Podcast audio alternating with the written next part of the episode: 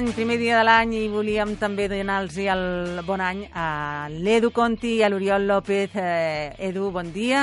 Molt bon dia, Noé. Oriol, bon i bon any, bon any. Eh, Oriol López, molt bon any. Bon dia i bon any.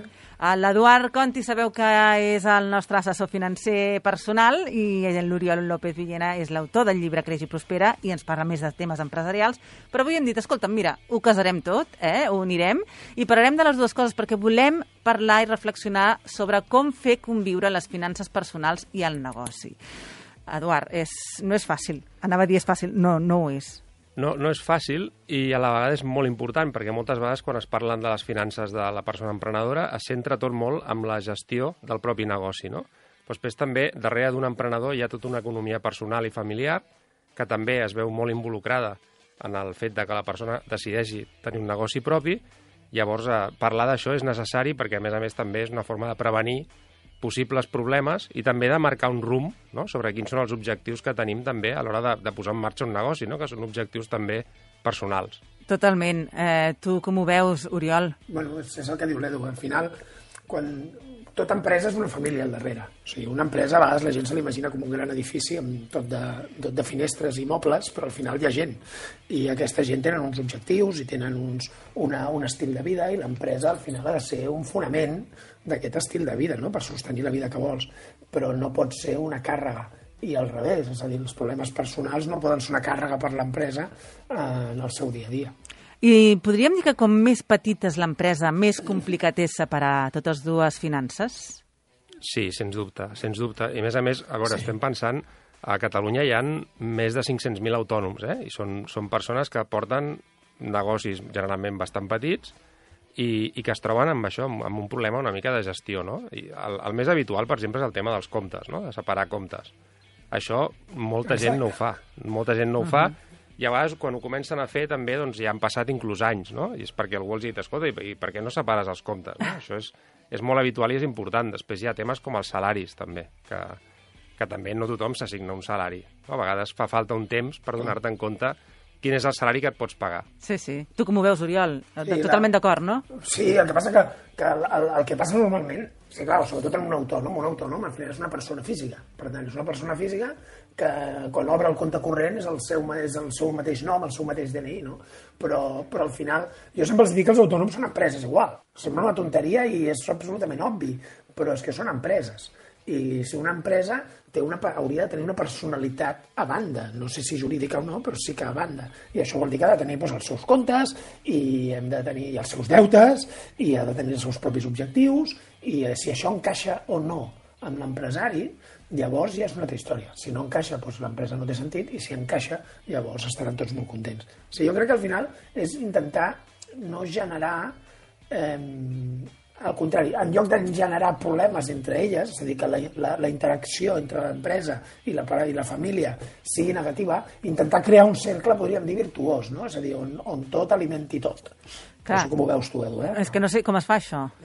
a veure. Bé, home, al final, el, el que hem, estem parlant aquí de la relació entre, el, entre l'economia personal de la persona emprenedora i el seu negoci, no? O sigui, aquest flux, aquesta relació entre família i empresa, hi ha una sèrie de recursos que van de la persona cap a, cap a l'empresa, no? i aquests recursos són doncs, hores de feina, l'haver muntat un projecte, unes, unes capacitats que posa al servei d'aquest negoci, unes il·lusions, no? que són al final el motor sí. que et fa posar en marxa tot això, i també, evidentment, també uns diners, unes inversions que tu aboques en aquest projecte. No? Llavors, això són els recursos que tu aportes a l'empresa. Després l'empresa et fa un retorn, no, Oriol? L'empresa ho retorna. L'empresa, amb tot això, l'empresa tracta de, de, de retornar un, un benefici, però a vegades no és només un benefici financer, que també, d'acord? Però intenta retornar un benefici basat en el repte, en el projecte, en el mateix projecte de vida. Jo no he conegut mai cap empresari que el seu objectiu sigui ser empresari.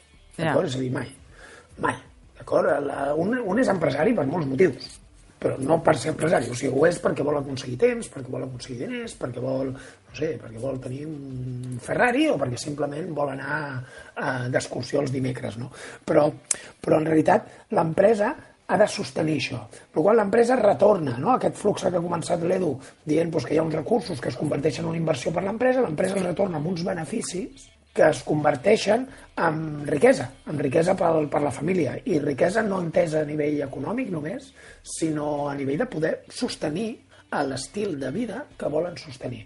Sigui tenim més temps, o sigui guanyem més diners, o sigui el que sigui. I què passa quan l'empresa va malament? És a dir, quan eh, comencen a haver-hi problemes econòmics, eh, on taparem nosaltres de ficar diners o aquesta sinergia. Clar, això seria el cas del retorn negatiu, no? Clar. Que és, que és quan, Exacte. quan en lloc del retorn positiu que comentava l'Oriol, hi ha un retorn negatiu a base de pèrdues, de que el negoci no està anant com esperàvem, inclús ens podem endeutar, no? Sí, sí. I, Clar, llavors comencem amb, amb, aquests, amb aquests deutes Quan hem de posar fre? Amb... Bueno, és que el primer que un ha d'estudiar, no sé tu què en penses, però quan aquella típica cosa que l'empresa se'n va, l'empresari se'n va al banc no? i demana una pòlissa de crèdit o demana un préstec. I llavors el banc li diu hauries d'avalar-ho, tu personalment, no? I, I jo crec que tothom ho fa molt alegrement, eh? Tothom inicialment avala alegrement, però ningú s'ha parat a pensar si realment vull avalar els deutes d'aquella empresa i això pot acabar provocant un problema familiar Segur. greu, jo crec. Sí, aquí hi ha una part també que té una vessant... Sempre, sempre me'n dono compte que acabem parlant molt de psicologia, però aquí també pesa, no? I tant. Sí, el, la figura de l'emprenedor, l'emprenedor té, té una, una, una virtut i un defecte, no? La virtut és que sap veure oportunitats on ningú altre les veu. I moltes vegades emprèn pràcticament en solitari, no? Que tothom li està dient, però què fas? Estàs boig, tal? I ho fa, i a vegades va bé i a vegades va malament, però moltes vegades també va bé, perquè... I, i ell estava una mica Sí. sol, eh, en el moment de tirar endavant, perquè tothom li està dient, home, això que estàs fent no és massa prudent, hi ha gent que deixa feines segures per emprendre i li va bé, i en el moment de donar el salt l'està donant bastant sol, eh? després va bé, Sí. i, I això és així, no? Llavors, el, és important tenir en compte aquest, aquest, aquesta valentia no? de, de l'emprenedor. Després, quan, quan va malament el negoci, que això també passa, comencen a haver-hi senyals que des de fora es veuen molt clarament, però precisament perquè està tan implicat personalment l'emprenedor, l'emprenedora, és l'últim en veure-ho. Eh? Sí, sí. Fixa't, és el primer en veure l'oportunitat i l'últim en veure que no va bé, perquè hi ha una escalada de compromís, no? que és la terminologia que s'utilitza. No? Estic tan compromès amb la meva idea, amb el meu negoci, que em nego a acceptar que no està anant bé. Llavors, és molt important eh, agafar distància i saber veure quan has de parar. Perquè hi ha vegades que has de, has de trobar un punt, és un equilibri molt delicat, eh? perquè pots, no pots parar ni massa aviat ni massa tard. No? Sí, sí, totalment. Bueno, Oriol. i, perquè, I perquè, a més, el, el, aquests, costos, aquests costos enfonsats, no? aquest, aquest ja he dedicat molts esforços, molts recursos, molt temps, moltes il·lusions, eh, provoquen, que, provoquen que ens casem, no? Hem dit que ens casem Sí, amb sí. l'empresa, no? I és, la, és, és un lloc on no t'hauries de casar, o sigui, tu et pots casar amb una parella i ja veiem que no totes van bé, d'acord? Doncs imagina't, i en aquest cas hi ha amor, doncs imagina't amb una, amb una empresa, un projecte empresarial. Clar, els símptomes haurien de ser molt clars, és a dir, la, el, el plantejament sempre és tenir molta informació. I l'emprenedor, molt sovint, treballa més amb informació, eh, no sé com dir-ho, amb intuïció, que amb informació.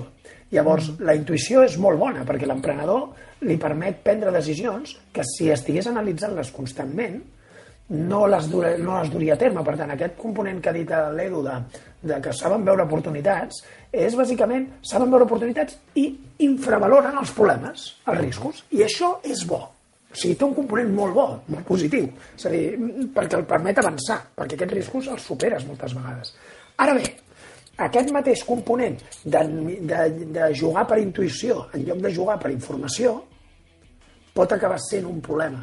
Per tant, jo el que, la recomanació que sempre faria és has de deixar que, les, que la intuïció es mogui i prengui les decisions que ha de prendre quan toca, però has de sempre tenir la informació al costat. Perquè quan tu veus que ja no pots pagar una factura, quan veus que, que la pòlissa de crèdit ja no te la renoven, això és massa tard, potser fins i tot, eh?